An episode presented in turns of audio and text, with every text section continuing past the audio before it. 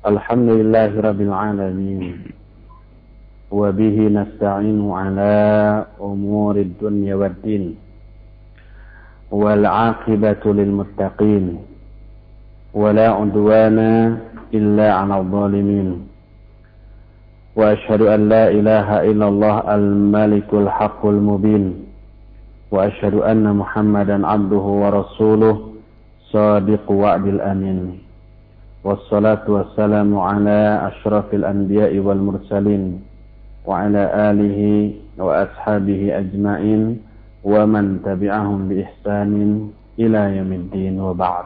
فإن أصدق الحديث كتاب الله وخير الهدي هدي محمد صلى الله عليه وآله وسلم وشر الأمور محدثاتها وكل محدثة بدعة وكل بدعة ضلالة وكل ضلالة في النار Ikhwati fillah, azakumullah juga para pendengar radio Roja di mana saja Anda berada. Alhamdulillah sore hari ini kita kembali bertemu untuk melanjutkan kajian kitab Al-Usulus Salasah. Kemarin kita sudah menjelaskan dalil syahadat Muhammad Rasulullah. Adapun makna dari syahadat Muhammad Rasulullah dijelaskan oleh muallif rahimahullah wa makna syahadati alla wa anna wa makna syahadati anna Muhammadar Rasulullah ta'atuhu fima amara wa tasdiquhu fima akhbara wajtinabun ma anhu naha wa jazara wa alla yu'badallahu illa bima syara' makna syahadat Muhammad Rasulullah adalah mentaati segala perintahnya membenarkan semua informasi yang disampaikannya dan menjauhi semua yang dilarangnya serta tidak beribadah kepada Allah kecuali dengan cara ibadah yang disyariatkannya. Inilah makna syahadat Muhammad Rasulullah. Banyak orang bertanya, bukankah syahadat dengan arti persaksian maknanya adalah kita harus menyaksikan apa yang kita saksikan, menyaksikan dengan arti melihat, mendengar, menyaksikan secara langsung. Bagaimana kita akan bersaksi terhadap Nabi Muhammad SAW yang tidak kita lihat secara langsung, tidak kita dengar. Ada orang yang seperti itu. Kita jawab bahwa pertama yang kita saksikan bukanlah fisik, badan atau raga Nabi Muhammad sallallahu alaihi wasallam, bukan. Tapi yang kita saksikan adalah kerasulan beliau, kenabian beliau. Ini yang kita saksikan. Kedua, makna persaksian dalam ajaran Islam berbeda dengan makna persaksian di bidang disiplin ilmu yang lain. Kalau di dunia hukum umpamanya, seseorang yang menjadi saksi adalah orang yang melihat, menyaksikan secara langsung suatu peristiwa yang disaksikannya. Apabila tidak melihat, tidak menyaksikan, berarti dia memberikan kesaksian palsu. Itu di dunia hukum tapi di dalam bidang tauhid makna persaksian adalah berbeda dengan saksi yang bis, yang sering kita dengar di persidangan persidangan atau di dunia hukum. Para ulama termasuk Syekh Muhammad bin Shalih Al Utsaimin rahimahullah menyatakan bahwa asyahadah atau persaksian itu adalah ikhbarul insan bima alimahu seseorang mengabarkan apa-apa yang dia ketahui. Baik yang dia ketahui itu hasil melihat, hasil mendengar, hasil mencium, hasil menelaah, hasil memikirkan, atau hasil apa pun. Sehingga dia tahu benar dan dia yakini benar. Lalu apa yang dia yakini itu dia ungkapkan kepada pihak lain. Itulah yang dimaksud dengan persaksian kita menyaksikan bahwa Muhammad adalah utusan Allah. Setelah kita menelaah, setelah kita memikirkan, setelah kita betul-betul menggunakan seluruh potensi yang kita miliki untuk mempelajari sejarah Nabi Muhammad SAW, seluruh sunnahnya, seluruh ajaran yang dibawanya, yang disebarkannya, yang didakwahkannya, semuanya itu melahirkan sebuah keyakinan dalam diri kita bahwa beliau itu betul-betul seorang utusan Allah, seorang nabi Allah. Keyakinan ini kita ungkapkan. Itulah yang disebut dengan persaksian bahwa Muhammadlah utusan Allah, nabi Allah Subhanahu wa taala. Nah, konsekuensi dari persaksian bahwa Muhammad adalah utusan Allah, maka konsekuensinya kita harus mentaati seluruh perintahnya, membenarkan seluruh informasi yang disampaikannya, menjauhi semua larangan-larangannya, dan tidak beribadah kepada Allah kecuali dengan cara ibadah yang disyariatkan oleh beliau sallallahu alaihi wa alihi wasallam. Oleh karena itu, berkata Syekh Muhammad Saleh Al-Utsaimin ketika mensyarah atau menjelaskan poin ini.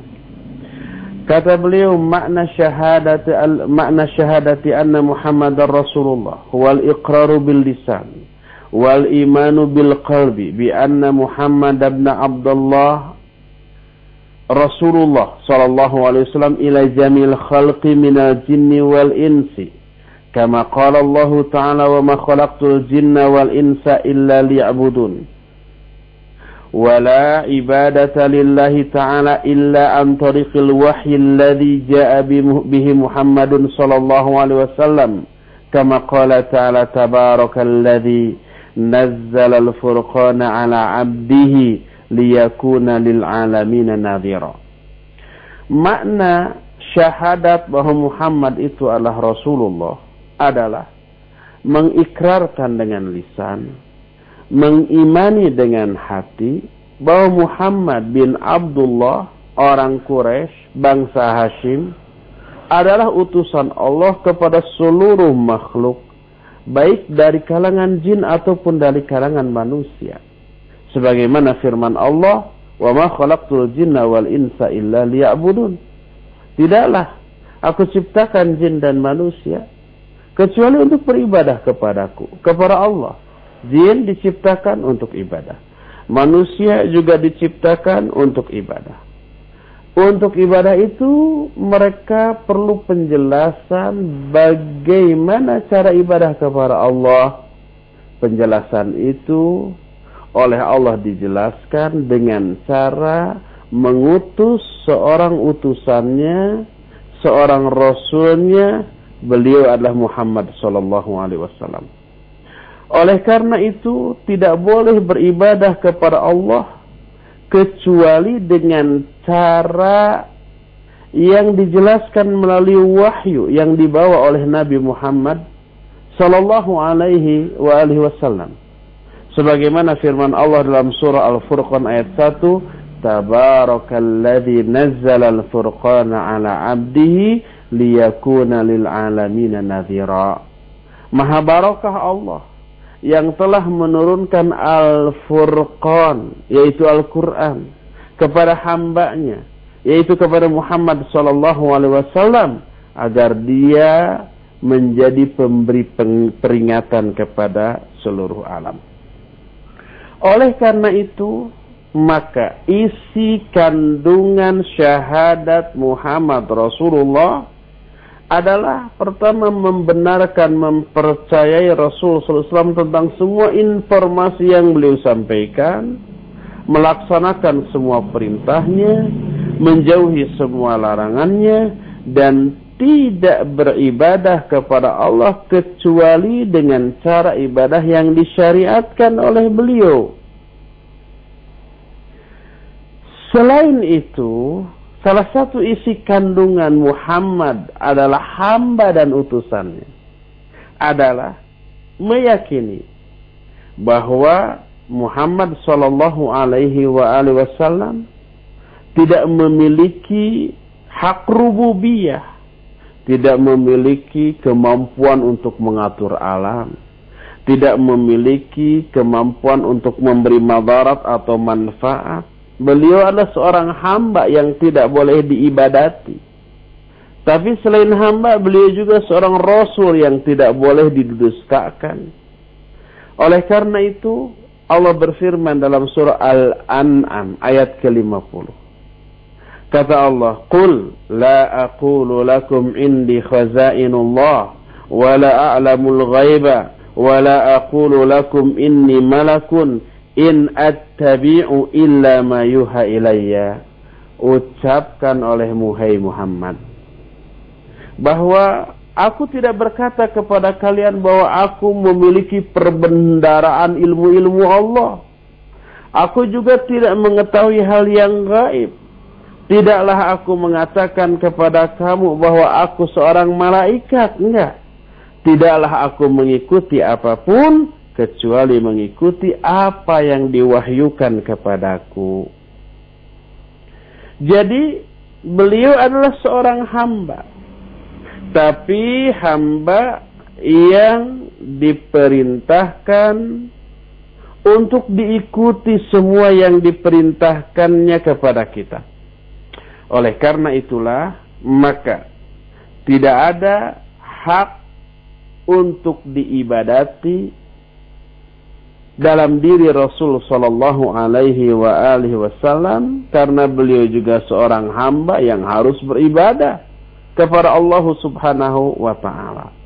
Tak ada satupun makhluk di alam jagat raya ini yang memiliki hak untuk diibadati. Ibadah hanya hanya hanya untuk Allah Subhanahu wa taala. Allah berfirman dalam Al-An'am ayat 162 dan 163. Qul inna salati wa nusuki wa mahyaya wa mamati lillahi rabbil alamin la syarika lahu wa bidzalika umirtu wa ana awwalul muslimin. Katakan olehmu Muhammad. Ini firman Allah kepada Muhammad sallallahu alaihi wasallam sebagai rasul dan sekaligus sebagai hamba. Katakan olehmu Muhammad sesungguhnya salatku, wa nusuki sembelihanku, hidup dan matiku, semuanya lillahi rabbil alamin untuk Allah penguasa alam semesta ini. Tidak ada sekutu baginya. Demikianlah aku diperintah dan aku adalah orang yang pertama kali pasrah, tunduk dan patuh kepada Allah Subhanahu wa taala. Oleh karena itulah maka ada dua hal yang terkandung dalam syahadat Muhammad hamba dan utusannya. Pertama, sebagai hamba dia tidak boleh diibadati. Sebagai hamba dia tidak boleh dikultuskan. Sebagai hamba dia tidak boleh disembah dengan cara apa pun. Yang pertama. Kedua, sebagai rasulnya, sebagai utusan Allah, beliau adalah orang yang wajib ditaati semua perintahnya, dibenarkan semua informasi yang bersumber darinya, dijauhi semua larangan-larangannya, dan seluruh tata cara ibadah kita kepada Allah harus bersumber dari dirinya. Inilah makna syahadat Muhammad Rasulullah. Dengan demikian selesai sudah pembahasan kita tentang rukun Islam yang pertama yaitu syahadat la ilaha illallah dan Muhammad Rasulullah baik dari segi pembahasan dalilnya ataupun maknanya secara ringkas. wa dalilus salati waz zakah. Adapun yang menjadi dalil tentang salat dan zakat. Salat rukun Islam yang kedua. Zakat rukun Islam yang ketiga. Yang menjadi dalil adalah firman Allah yang terdapat dalam Al-Bayyinah ayat yang kelima. Allah berfirman, "Wa ma umiru illa liya'budullaha mukhlishina lahud-din hunafa wa yuqimu shalah wa yu'tu zakah wa dzalika dinul qayyimah." Dan tidaklah mereka diperintahkan kecuali untuk beribadah kepada Allah dengan mengikhlaskan semua agama hanya untuknya secara lurus dan mendirikan sholat dan menunaikan zakat dan itulah agama yang lurus. Ayat ini menjelaskan bahwa Sholat dan zakat termasuk bagian dari agama. Dan disebut ibadah dalam ayat ini sebelum disebutnya sholat dan zakat. Seperti ayat ini menyatakan wa ma umiru illa liya'budullaha mukhlishina lahuddin. Hunafa. Tidaklah mereka diperintah kecuali untuk beribadah kepada Allah. Terus di akhir ayat ini wa yuqimus shalah wa yu'tuz zakat juga diperintahkan untuk mendirikan sholat dan menunaikan zakat. Timbul pertanyaan, bukankah sholat dan zakat termasuk dua jenis ibadah yang sudah tercakup dalam ibadah yang disebut di awal ayat ini wa ma umiru illa liya'budullaha mukhlishina lahuddin dan tidaklah mereka diperintah kecuali untuk beribadah kepada Allah. Tapi kenapa sholat dan zakat yang juga termasuk ibadah disebut lagi? Ini disebut mimba bi'at fil khas alal am. Disebut mengatofkan sesuatu yang khusus kepada sesuatu yang umum. Sesuatu yang khususnya adalah sholat dan zakat. Sholat dan zakat adalah ibadah yang khusus. Ini diatofkan atau diikutkan kepada ibadah secara umum. Yang menunjukkan pertama, sholat dan zakat termasuk di antara jenis-jenis amal ibadah. Kedua, kalau memang termasuk jenis ibadah, kenapa disebut lagi? Bukankah sudah tercakup dalam ibadah yang disebutkan di awal ayat ini? Jawabannya adalah disebutnya dua jenis ibadah ini. Selain ibadah secara umum tadi menunjukkan amat sangat super pentingnya dua jenis ibadah ini dibanding ibadah-ibadah yang lainnya. Dan ini banyak dijelaskan dalam Al-Quran. Seperti umpamanya, tanazzalul malaikatu warruhu fiha. Pada malam Lailatul Qadar itu para malaikat turun. Tanazzalul malaikatu. Warruhu juga malaikat Jibril. Arruh di sana maknanya adalah malaikat Jibril. Malaikat Jibril termasuk kelompok malaikat. Tapi kenapa disebut lagi? Bukankah sudah tercakup dalam sebutan malaikat di awal tanazzalul malaikatu dan turunlah para malaikat. Berarti termasuk malaikat Jibril. Tapi kenapa Jibril disebut secara khusus? Warruhu fiha. Juga malaikat Jibril pada malam itu. Disebutnya malaikat Jibril secara khusus walaupun beliau atau dia malaikat Jibril sudah termasuk kelompok malaikat yang disebut di awal tapi tetap disebut lagi secara khusus menunjukkan kedudukan dia yang lebih utama dibandingkan para malaikat secara umum. Demikian pula dalam hal ini wa ma umiru illa liya'budullaha mukhlishina lahuddin tidaklah manusia diperintah kecuali untuk ibadah kepada Allah.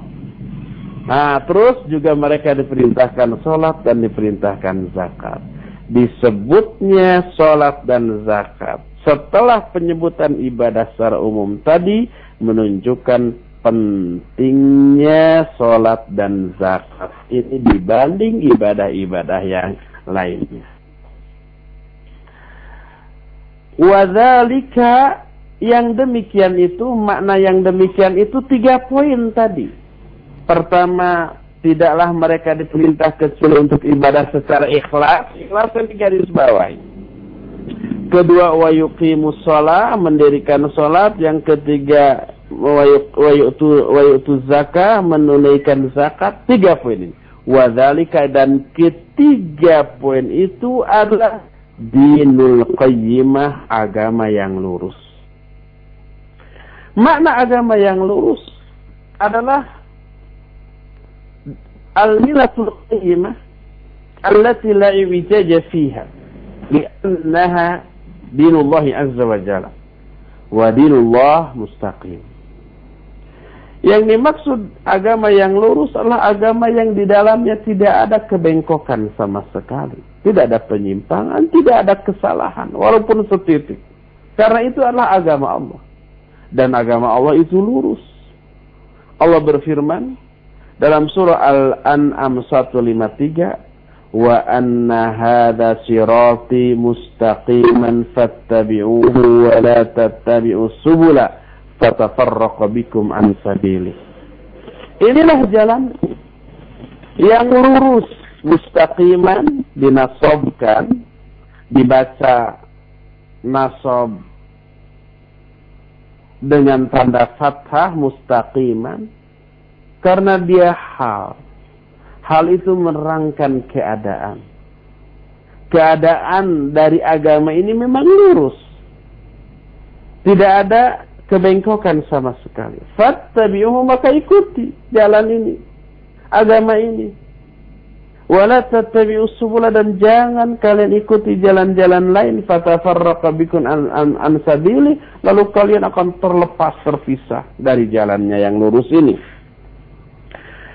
Ayat yang mulia ini selain menyebut tentang ibadah, sholat, dan yang lain-lainnya juga mencakup hakikat tauhid yaitu mengikhlaskan semua peribadatan kepada Allah Subhanahu wa taala. Sebab ayat ini menyatakan wa ma umiru illa liya'budullaha mukhlishina lahuddin dan tidaklah mereka diperintahkan kecuali untuk beribadah dengan mengikhlaskan, memurnikan ibadah ini. Mukhlisina lahuddin, mukhlisina mengikhlaskan lahu kepada Allah ad-dina semua agama ini. Maksudnya seluruh pelaksanaan agama ini harus ditujukan secara murni hanya diniatkan untuk Allah Subhanahu wa taala. Syekhul Islam Ibn Taimiyah rahimahullah menjelaskan bahwa pemurnian agama kepada Allah ini harus ditekankan dari dua segi. Segi pertama dimurnikan dari aspek niat. Meniatkan pelaksanaan agama ini seluruhnya hanya hanya hanya untuk Allah, tidak untuk yang lain. Walaupun prosentasi kepada yang lain hanya sedikit, umpamanya kita sholat 99% untuk Allah 1% untuk pujian manusia agar dipuji oleh manusia. Ini tidak murni lagi. Allah berfirman ana agna syuraka ani syirki faman amila amalan asyraka fihi ghairi taraktuhu wa syirkahu kata Allah dalam sebuah hadis kursi aku paling tidak membutuhkan sekutu. Maka siapa orang yang mengamalkan suatu amalan tapi dia menyekutukan menyekutukan aku dalam amalan tersebut dengan yang lain maka aku tinggalkan dia aku tinggalkan juga sekutuku Aku tinggalkan dia, aku tinggalkan amalannya. Dan aku serahkan semua amalan itu untuk sekutuku. Seolah-olah Allah mengatakan, respect teh ting kuring mah butuh kan ibadah siga kitu patut maknanya adalah kami tidak butuh kepada ibadah seperti itu walaupun prosentasi terbesar untuk Allah 99% untuk Allah, satu persennya untuk pujian manusia umpamanya. Allah tidak butuh. Karena itu tidak murni. Allah memerintahkan kita untuk memurnikan pelaksanaan agama hanya untuk Allah. Pertama dimurnikan dari segi niat, niatnya hanya hanya hanya untuk Allah. Barulah itu murni dengan kata lain ikhlas. Kedua murni dari segi tata cara pelaksanaan dari agama itu. Tata cara pelaksanaan dari agama itu murni hanya dengan tata cara yang disyariatkan oleh Allah Subhanahu wa taala dan bukan mengambil tata cara ibadah dari agama lain atau dari uh, konsep buatan manusia, hasil istihad manusia, tidak tapi semuanya dari Allah Subhanahu wa taala. Itu murni dari dua sisi itu. Oleh karena itu berkata Syekh Al-Utsaimin rahimahullah, "Faman lam yukhlis billah lam yakun muwahhidan, wa man ja'ala ibadatu li ghairillah lam yakun muwahhidan." Oleh karena itu siapa orang yang tidak ikhlas dalam beribadah karena Allah, berarti dia bukan seorang ahli tauhid. Tauhid itu kan maknanya mengesahkan Allah dalam hal ibadah. Kalau kita ibadah kepada Allah dicampur dengan ria, ria itu kan bagian dari ibadah itu ditujukan untuk memperoleh pujian manusia tuh. Berarti Allah itu diduakan dalam hal ibadah. Dia bukan ahli tauhid siapa orang yang tidak mengikhlaskan ibadah untuk Allah, maka dia bukan ahli tauhid. Dan siapa orang yang menjadikan ibadahnya untuk selain Allah, maka dia pun bukan termasuk ahli tauhid. Dia syirik, dia musyrik, walaupun musyrik kecil. Musyrik kecil itu ria, sumah, ujub, takabur, atau yang sebangsanya maka tetap sekecil-kecilnya syirik dosanya amat sangat besar sekali.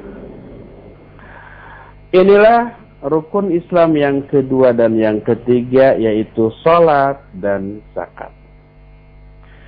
Berkata muallif selanjutnya, wa dalilu siyam qauluhu ta'ala Ya ayyuhalladzina amanu kutiba 'alaikumus kama kutiba 'alal ladzina min qablikum la'allakum tattaqun Adapun dalil tentang wajibnya siam, dalil wajibnya saum adalah firman Allah Ta'ala. Hei orang-orang yang beriman, telah diwajibkan atas kalian saum sebagaimana telah diwajibkan atas orang-orang sebelum kalian agar kalian bertakwa.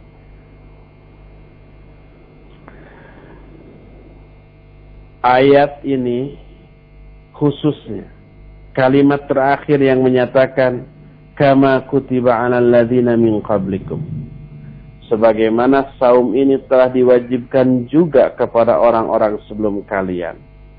Menunjukkan kepada beberapa hal Pertama, ayat ini menunjukkan amat sangat pentingnya saum. Sampai-sampai Allah pun mewajibkan saum ini kepada umat-umat sebelum kita. Selain juga mewajibkannya kepada kita. Kepada umat lain diperintahkan saum. Kepada kita juga diperintahkan saum. Dan ini menunjukkan ke kecintaan Allah kepada saum ini. Sehingga saum ini dipertahankan kewajibannya terhadap seluruh umat. Baik umat dahulu maupun umat sekarang sampai akhir zaman. tetap dipertahankannya ibadah saum sejak umat dulu sampai umat zaman sekarang menunjukkan bahwa saum ini sebuah ibadah yang dicintai oleh Allah.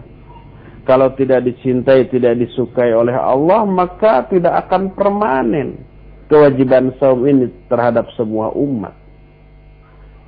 Ini yang pertama. Kedua, at-takhfif ala hadhil ummah. Bahwa diwajibkannya saum kepada umat-umat terdahulu meringankan umat ini pula.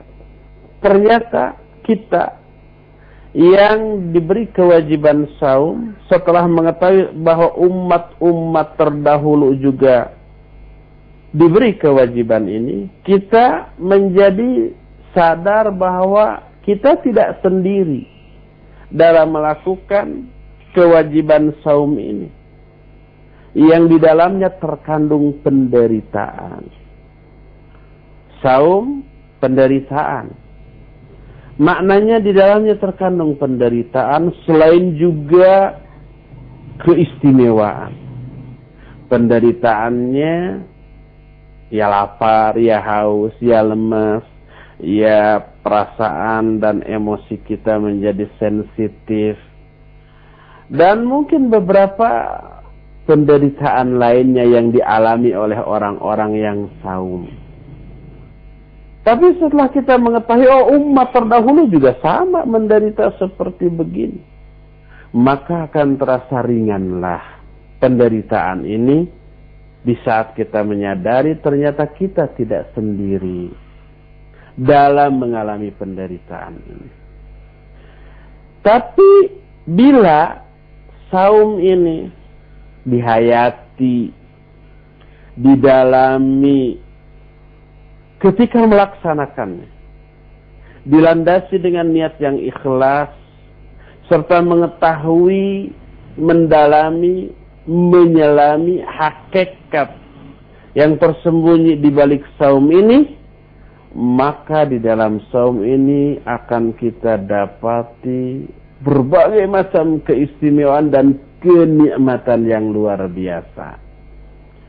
Setelah kenikmatan ini terasakan, maka tidak ada lagi penderitaan yang kita rasakan di dalam saum kita.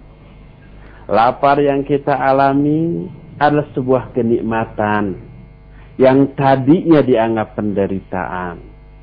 Haus juga demikian, lemes juga demikian, dan seterusnya dan seterusnya Orang yang mencintai saum akan menjadikan rasa lapar menjadi sebuah kenikmatan tersendiri yang tidak lagi dirasa sebagai sebuah penderitaan. Ini yang kedua.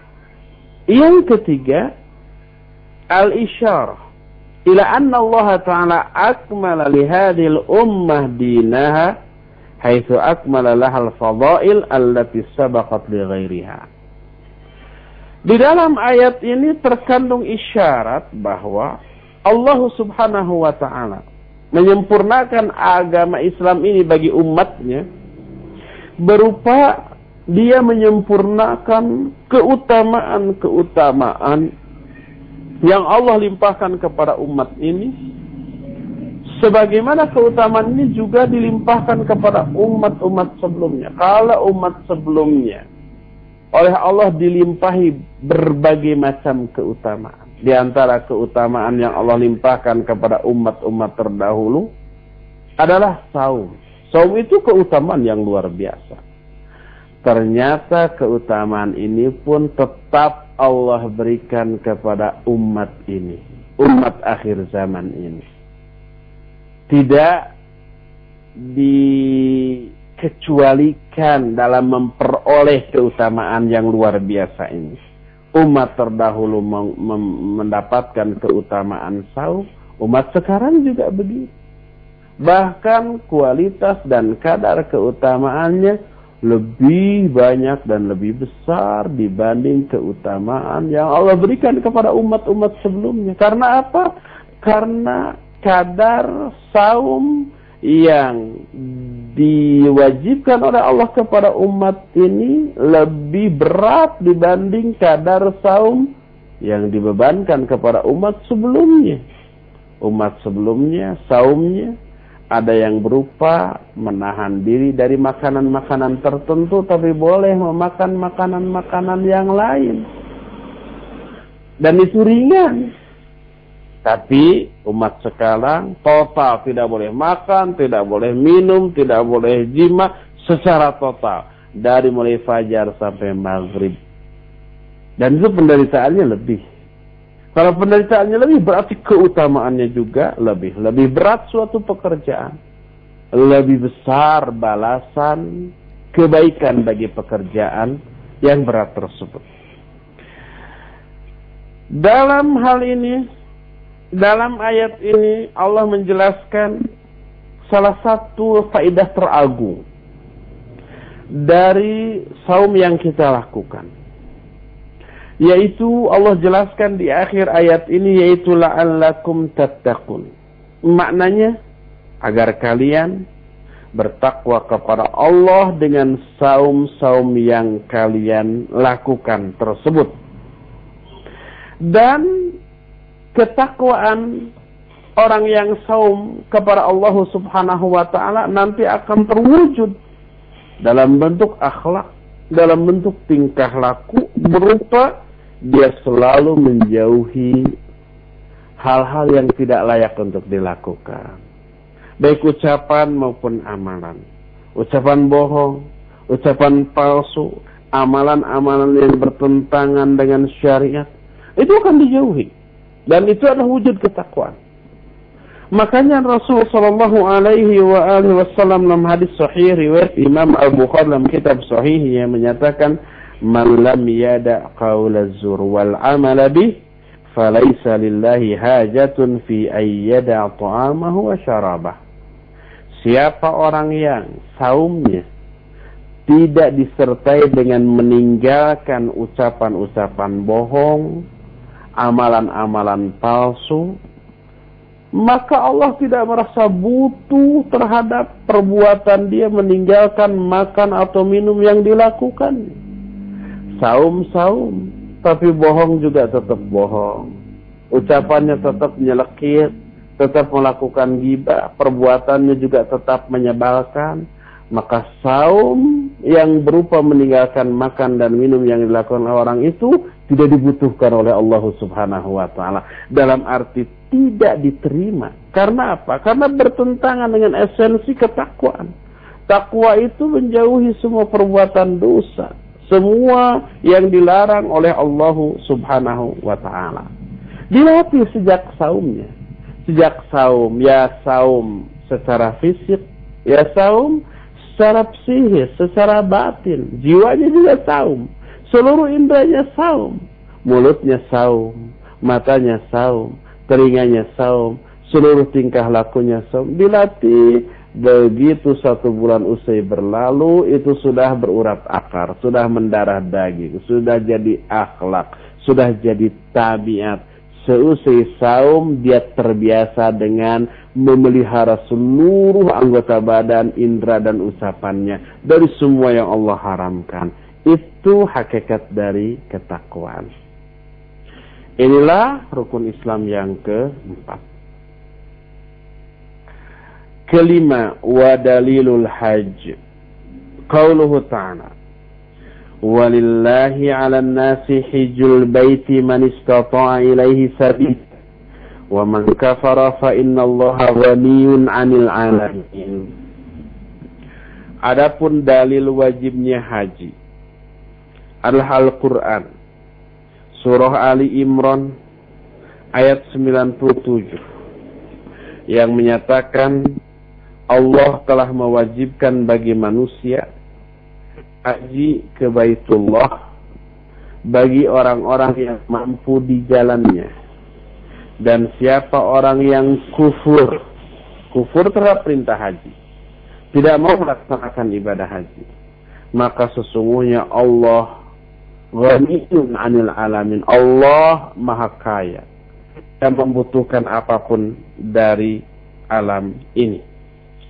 Ini ayat tentang wajibnya haji. Ayat ini turun pada tahun ke-9 Hijriyah yang menjadi dalil perintah wajibnya haji. Tapi Allah memberikan sebuah pengecualian yaitu manistata ilaihi sabila. Orang-orang yang mampu di jalannya. Dan menunjukkan bahwa orang yang tidak memiliki kemampuan untuk berhaji tidak ada kewajiban haji. Mampu dari segala segi. Dari segi finansial. Dia memiliki biaya untuk itu. Minimal 40 juta untuk orang Indonesia pada zaman sekarang ini itu sudah pas-pasan itu. Mampu dari segi itu. Kedua mampu dari segi kesehatan. Tidak sedang sakit.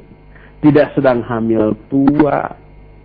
Dan yang lain-lainnya. Ketiga mampu juga dari segi keamanan. Keamanan di dalam negeri kita, keamanan di jalan, keamanan di di sana, di tempat hajinya dan seterusnya. Pokoknya dari semua sisi mampu, maka dia wajib haji. Kalau salah satu di antara hal-hal tadi tidak terpenuhi, uang ada umpamanya.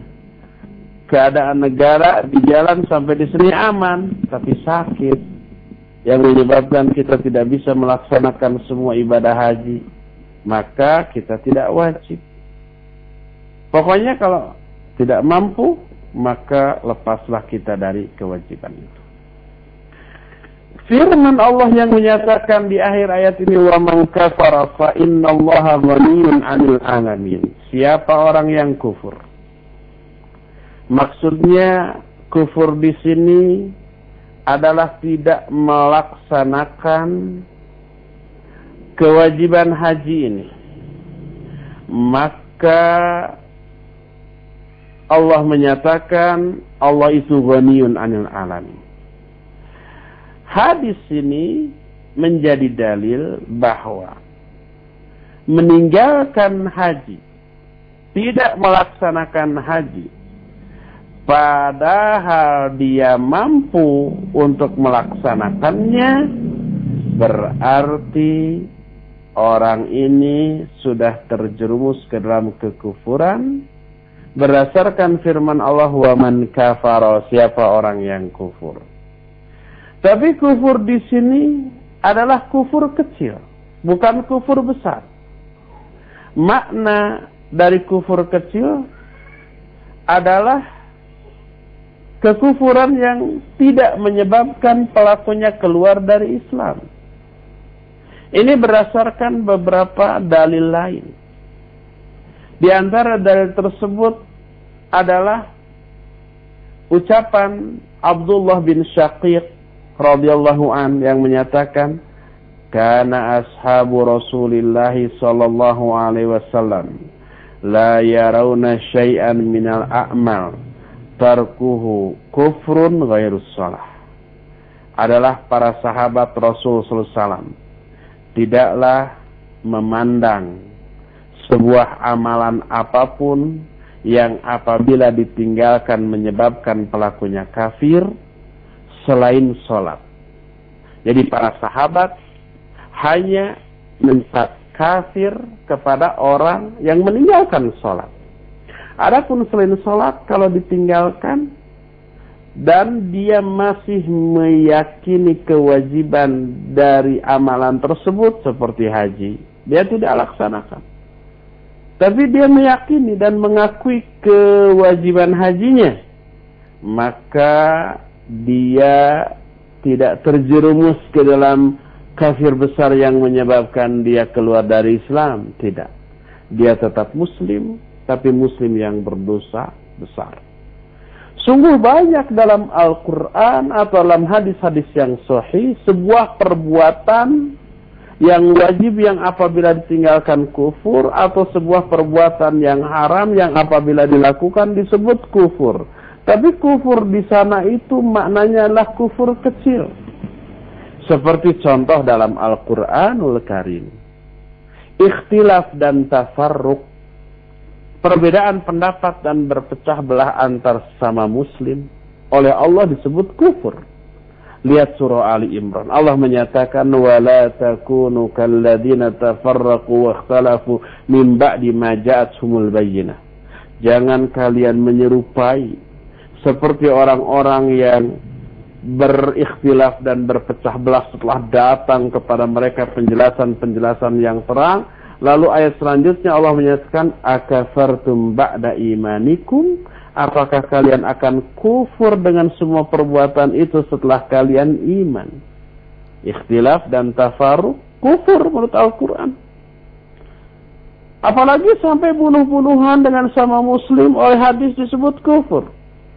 Kata hadis yang sahih, lihat Imam Muslim, sibabul muslim kuf, uh, sibabul muslim fiskun wa qitaluhu kufrun. Mencela sama muslim adalah fasik dan membunuhnya adalah kafir. Dalam hadis riwayat Bukhari, Nabi SAW bersabda, La tarji'u ba'di kuffaran yadribu ba'dukum riqaba ba'd. Janganlah kalian kembali kepada kekufuran sepeninggalku. Yaitu sebagian kalian memenggal kepala sebagian yang lain. Artinya saling bunuh.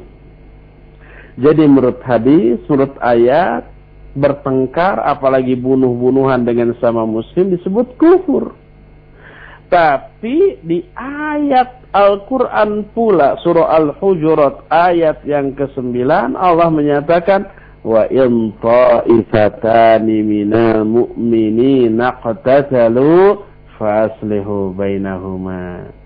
Kalau ada dua kelompok mukmin saling berperang, kalau berperang pasti bunuh-bunuhan. Maka damaikan di antara mereka. Walaupun bunuh-bunuhan perang oleh Allah masih disebut dua kelompok mukmin, tidak di, di, disebut dua kelompok kafir enggak. Oleh karena itulah maka lafaz kufur dalam ayat, lafaz kufur dalam hadis-hadis yang tadi disebutkan maknanya adalah kufur kecil. Kekufuran yang tidak mengeluarkan pelakunya dari keislaman. Dia tetap muslim, tapi muslim yang berdosa besar. Demikian juga lafaz-lafaz kufur lain dalam ayat-ayat lain karena suatu perbuatan tertentu. Seperti Al-Ma'idah.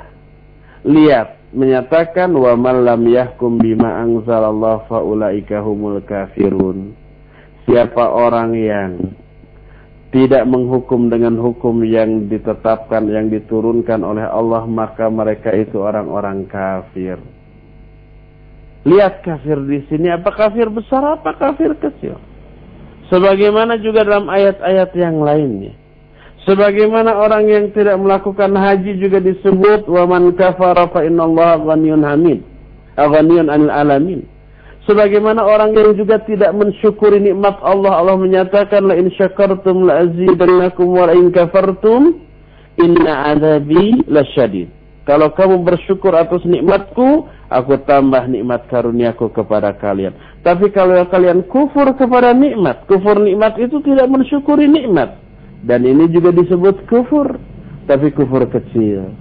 Kufur yang tidak menyebabkan pelakunya keluar dari Islam oleh karena itulah maka para ulama demikian jeli, demikian rinci memadukan semua dalil dalam semua ayat atau hadis yang berkaitan dengan masalah itu sehingga berkesimpulan satu sama lain antara dalil-dalil itu tidak saling berbenturan dan tidak saling bertubrukan tetapi diletakkan pada tempatnya masing-masing dengan makna yang klop proporsional sesuai dengan yang dikehendaki oleh Allah Subhanahu wa taala.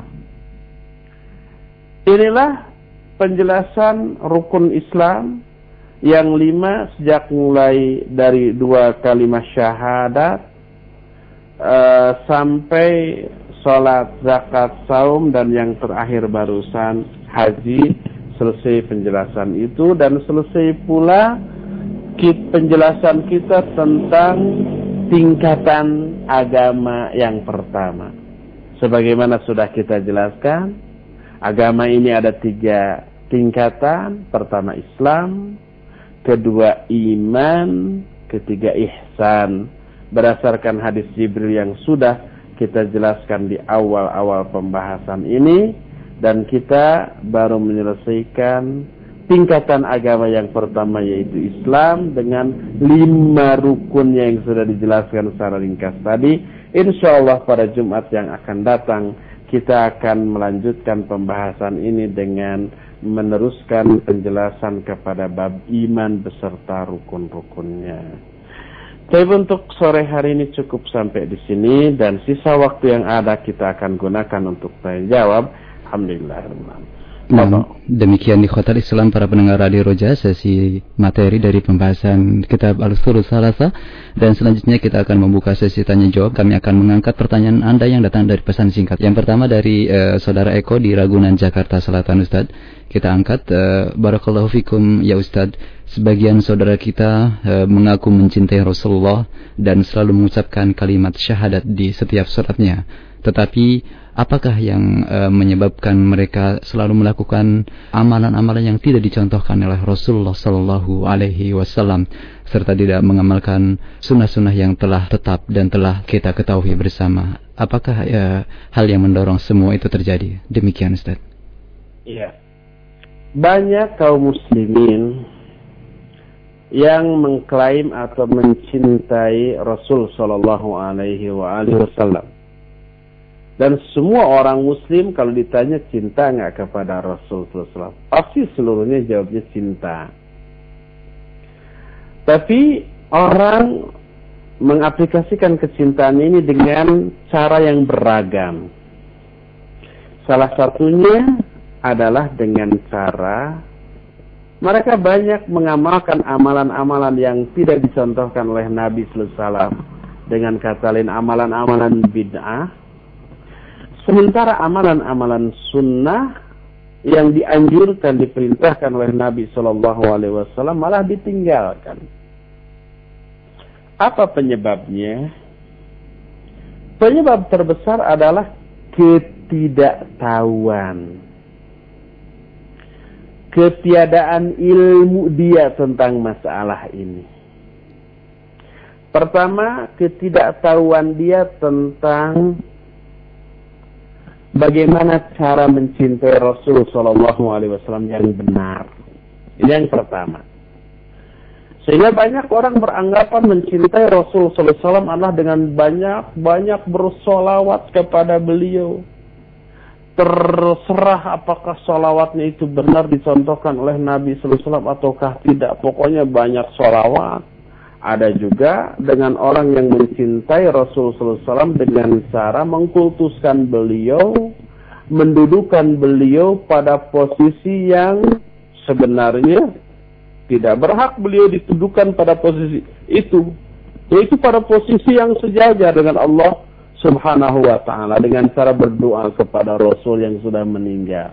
Wahai Rasulullah, beri saya rizki, lapangkan, usaha saya lancarkan, dan seterusnya.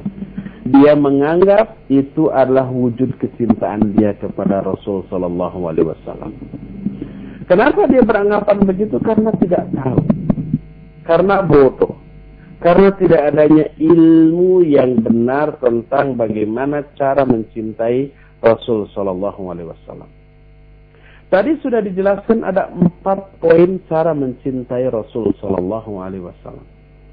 Yang pertama adalah melaksanakan semua perintah beliau.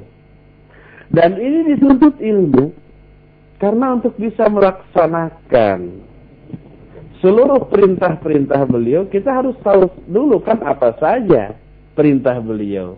Baik perintah yang hukumnya wajib ataupun yang hukumnya sunnah. Seluruh sunnah beliau itu apa saja. Untuk mengetahui hal itu kan dibutuhkan ilmu ya. Maka orang yang mencintai sunnah, yang mencintai Rasulullah SAW, dia akan belajar ilmu tentang sunnah Rasul SAW.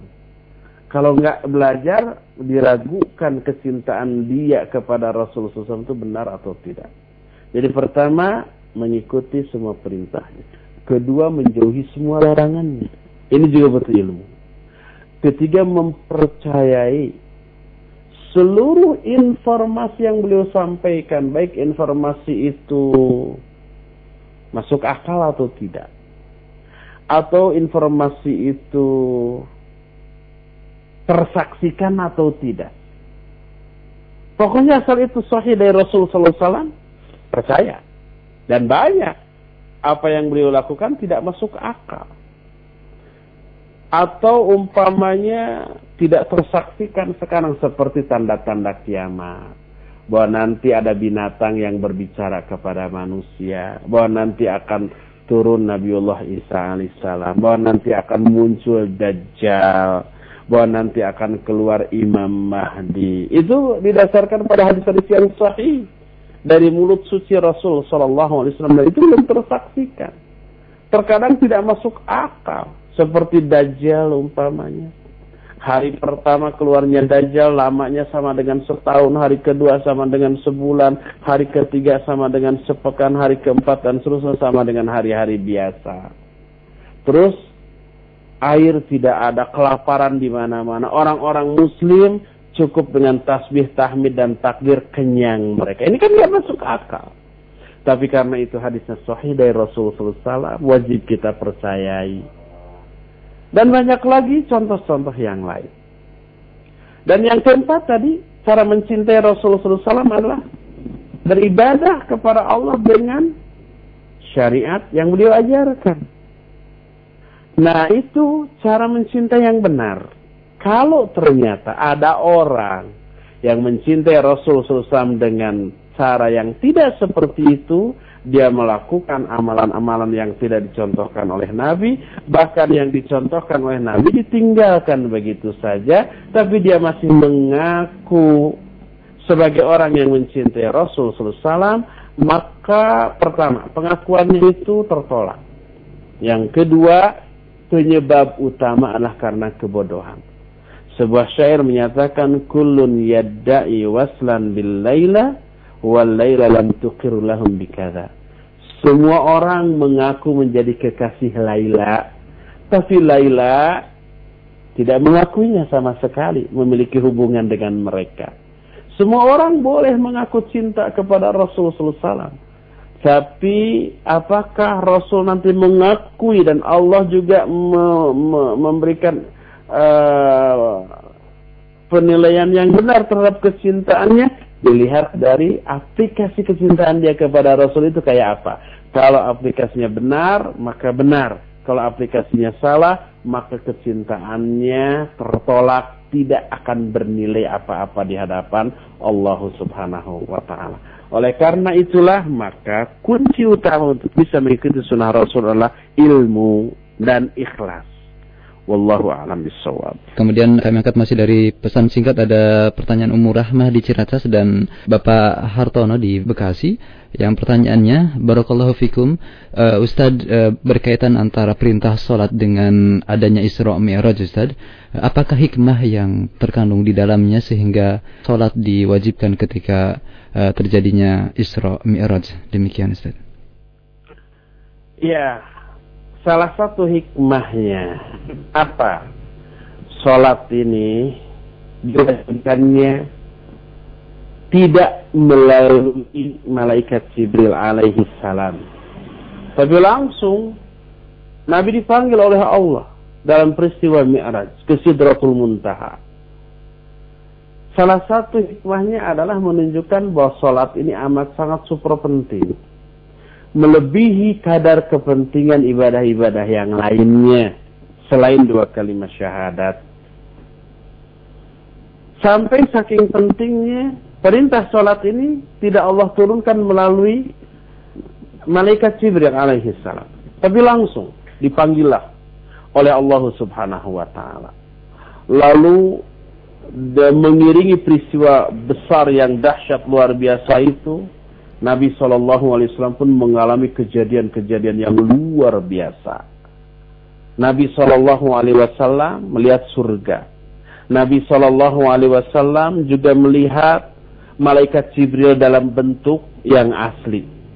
Walaqad ra'ahu ukhra inda sidratil muntaha indaha jannatul ma'wa idh sidrata ma yagsha ma zaghal basar wa ma tagha.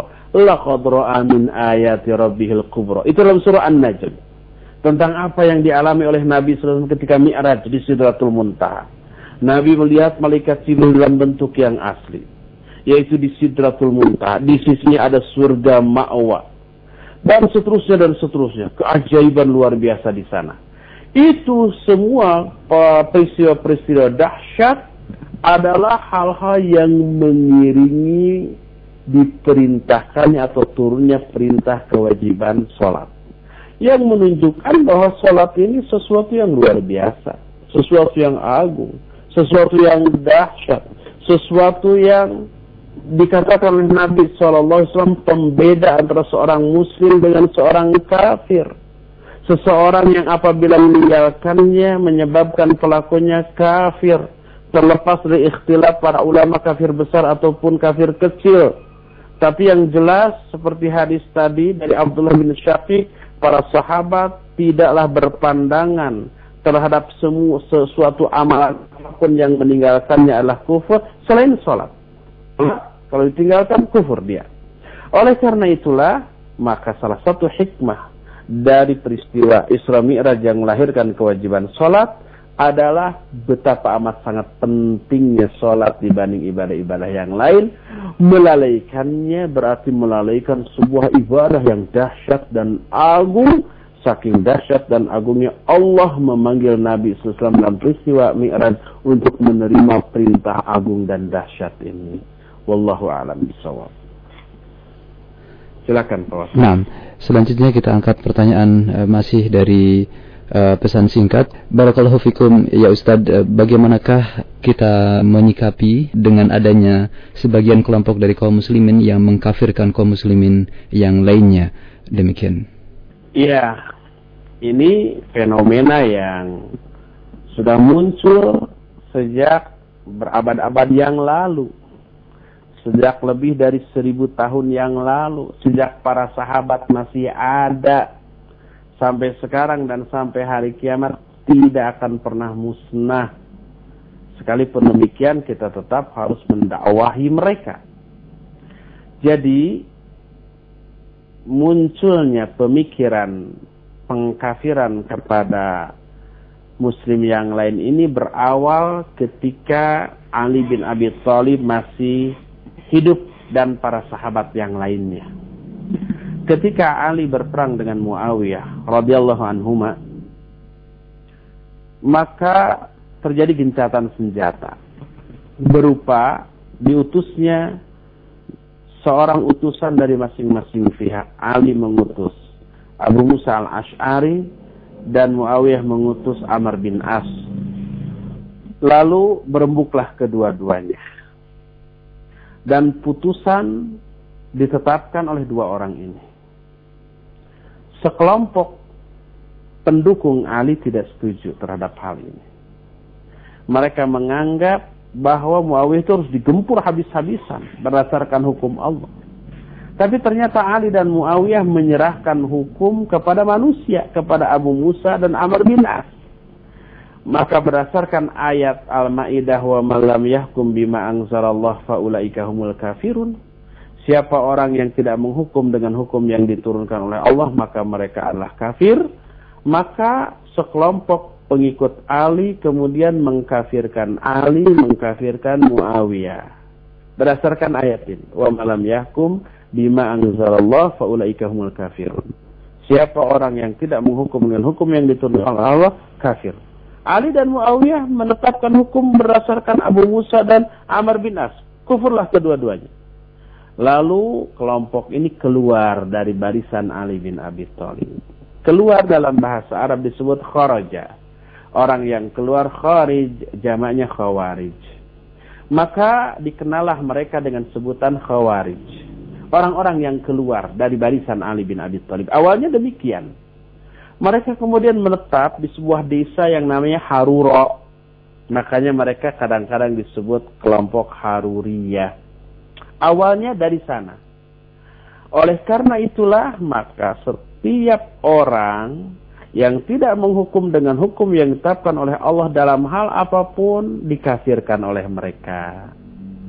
Kenapa demikian? Karena mereka memiliki ilmu yang amat minim dan keminiman ilmunya mereka gunakan untuk memahami Al-Quran dan menerapkannya sekaligus.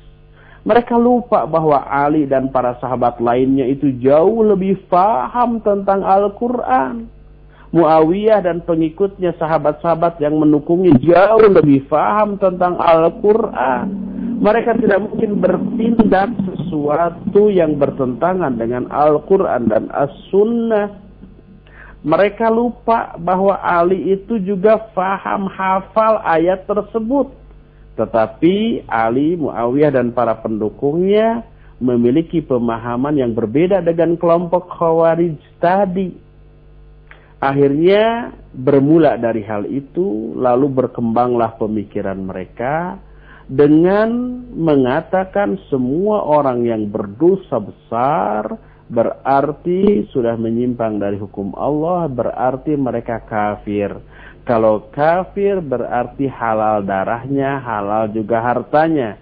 Boleh dibunuh, boleh dirampok. Baik dibunuhnya dengan cara oleh pedang, oleh pisau, maupun oleh zaman sekarang oleh bom. Itulah kelompok khawarij yang menghalalkan darah sesama saudaranya hanya karena mereka itu dianggap tidak menerapkan hukum Allah Subhanahu wa taala dalam satu segi atau dalam beberapa segi. Kufurlah mereka, kufur juga orang-orang yang mendukungnya, kufur juga orang-orang yang tidak mengkafirkannya. Mereka memiliki kaidah man lam yukafiril kafir fahuwa kafir wa man syakka fi kufril kafir fahuwa kafir. Siapa orang yang tidak mengkafirkan orang kafir, maka dia kafir. Dan siapa orang yang ragu-ragu kepada kekafiran orang kafir, dia pun kafir. Bayangkan, selain dirinya jadi jadi kafir. Selain kelompoknya jadi kafir.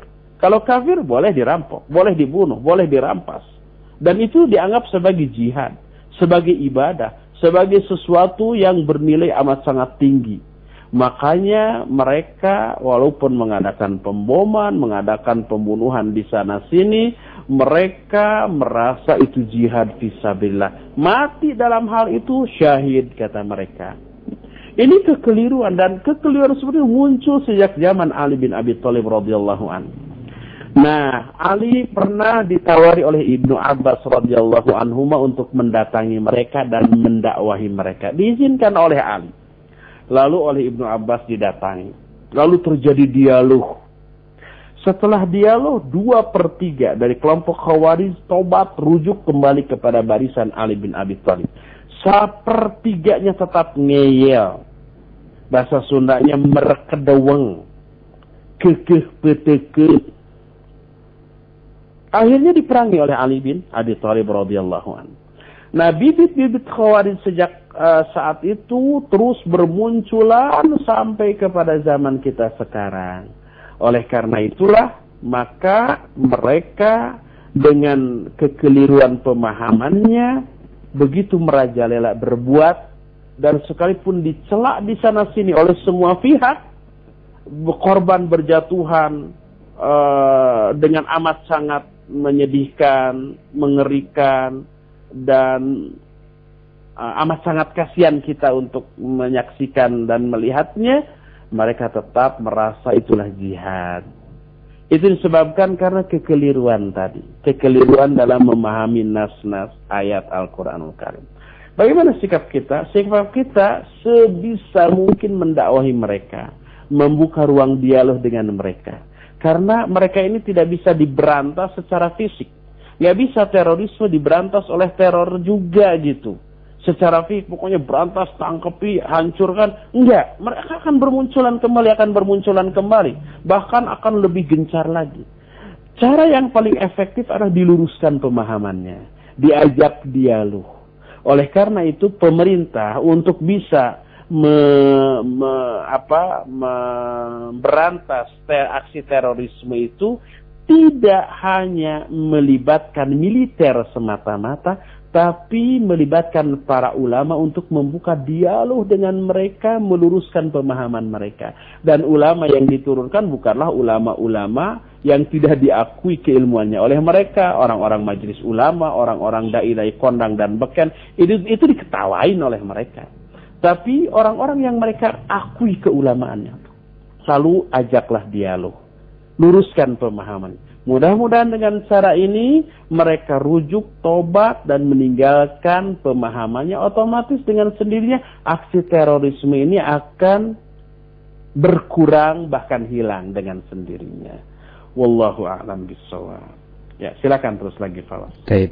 Uh, selanjutnya kami angkat pertanyaan masih dari pesan singkat datang dari Pak Nur Hadi di Depok. Ustadz Barakallahu Fikum sebagian dari uh, kaum muslimin yang terpelajar yang uh, juga mendapatkan ilmu dari Timur Tengah Eh, berpendapat bahwasanya dibolehkan bertawasul kepada roh-roh dan eh, roh-roh orang alim dan roh dari para rasul. Yang jadi pertanyaan kami, bagaimanakah menjelaskan kepada eh, khususnya keluarga kami yang awam mengenai pemahaman tawasul yang disyariatkan oleh Islam yang sebenarnya demikian Ustaz? Iya, ada orang-orang lulusan Timur Tengah yang berkeyakinan bolehnya tawasul kepada roh-roh baik para nabi ataupun para wali. Pertama, kita harus merinci yang dimaksud Timur Tengah itu daerah mana, tokohnya siapa. Kita tahu Abu Jahal juga dulu dari Timur Tengah, dari Mekah. Kita tahu Abdullah bin Ubay juga dari Timur Tengah, dari Madinah. Tapi Abu Jahal kafir, Abdullah bin Ubay munafik. Oh, demikian juga tidak semua yang bersumber yang berasal dari eh, kota Mekah atau Madinah itu adalah diyakini lurus akidahnya. Kita tahu ada tokoh sufi yang apa mengajarkan uh, perbuatan-perbuatan karena keyakinan-keyakinan yang penuh syirik dan bid'ah itu juga di Mekah yang baru kemarin-kemarin ini meninggal gitu ya. Kemudian Timur Tengah juga bukan sekedar Mekah dan Madinah. Mesir juga termasuk Timur Tengah. Demikian juga eh, negara-negara uh, lain yang juga banyak menjadi sumber-sumber keyakinan-keyakinan dan pemahaman-pemahaman yang menyimpang. Jadi bukan Timur Tengahnya yang kita lihat, ya. Tapi kita pilih keyakinan pemahaman dan pendapatnya. Adapun tentang masalah tawasul tawasul dibolehkan kepada tiga poin. Pertama kepada asmaul husna. Allah berfirman walillahil asmaul husna fad'uhu biha. Allah memiliki asmaul husna maka silakan kamu berdoa dengan menyebut asmaul husna itu Ya Razak, Ya Wahab, Ya Rahman, Ya Ghafur Rahim. Beri saya rizki umpama. Itu tawasul kepada Asmaul Husna dan itu boleh diperintahkan dan bernilai ibadah. Kedua, boleh bertawasul kepada iman dan amal ibadah yang kita lakukan. Seperti Rabbana uh, dalam salah satu ayat Innana sami'na munadiya yunadi lil imani an aminu bi rabbikum fa'amanna rabbana faghfir lana. Ya Allah, sungguhnya kami mendengar orang-orang yang menyeru agar kami beriman kepada Allah, maka kami pun beriman kepada Engkau. Ya Allah, dengan keimanan kami itu ampuni dosa-dosa kami. Kita bertawasul kepada keimanan. Umpamanya tadi malam kita tahajud dengan khusyuk dan rasanya berkualitas. Selesai tahajud kita berdoa, Ya Allah seandainya tahajud saya tadi merupakan ibadah yang makbul di sisimu ya Allah dengan tahajud itu maka berilah saya rizki, berilah saya jodoh atau yang sejenisnya. Itu tawasul kepada amal soleh kita sendiri dan itu dibolehkan habis ngaji sekarang umpah kita mendengar kajian ini dan kita merasakan ini ibadah yang luar biasa hebat. Selesai beres kajian kita berdoa ya Allah seandainya pengajian yang baru saja saya dengar ini merupakan ibadah yang makbul di sisimu ya Allah dengan pengajian tersebut ya Allah maka ah, minta apa saja kepada Allah.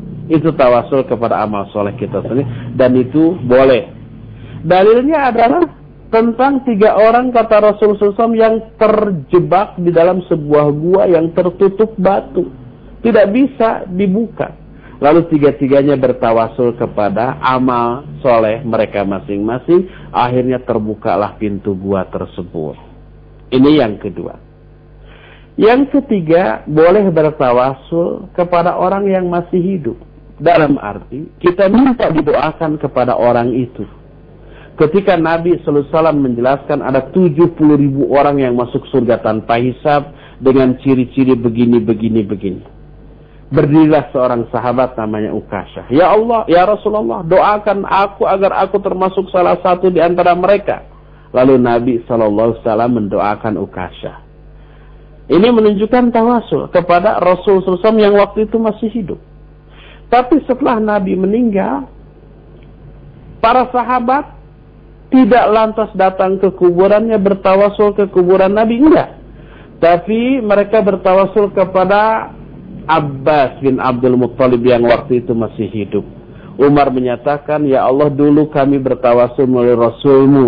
Setelah beliau wafat kami bertawasul melalui paman nabimu yaitu Abbas. Lalu diturunkanlah hujan karena doa Umar yang bertawasul kepada Abbas bin Abdul Muttalib tadi Nah ini kepada orang yang masih hidup boleh. Umpah kita mengetahui ada seorang yang soleh, berilmu, ahli ibadah, akhlaknya bagus. Kayaknya doanya makbul. Boleh kita datang kepadanya untuk minta didoakan kepada orang itu. Itu dibolehkan. Itulah tiga tawasul yang boleh. Selain tiga itu, maka tidak boleh lagi ada tawasul. Begitulah penjelasan tentang tawasul secara ringkas kita nah, cukupkan sampai di sini. Insya Allah kita jumpa lagi hari uh, Jumat yang akan Insya Allah. Jazakallah khairan. Ya, ya. Subhanakallahumma bihamdik asyhadu an la ilaha illa anta astaghfiruka wa atubu ilaik. Walhamdulillahirabbil alamin. Wassalamualaikum warahmatullahi wabarakatuh.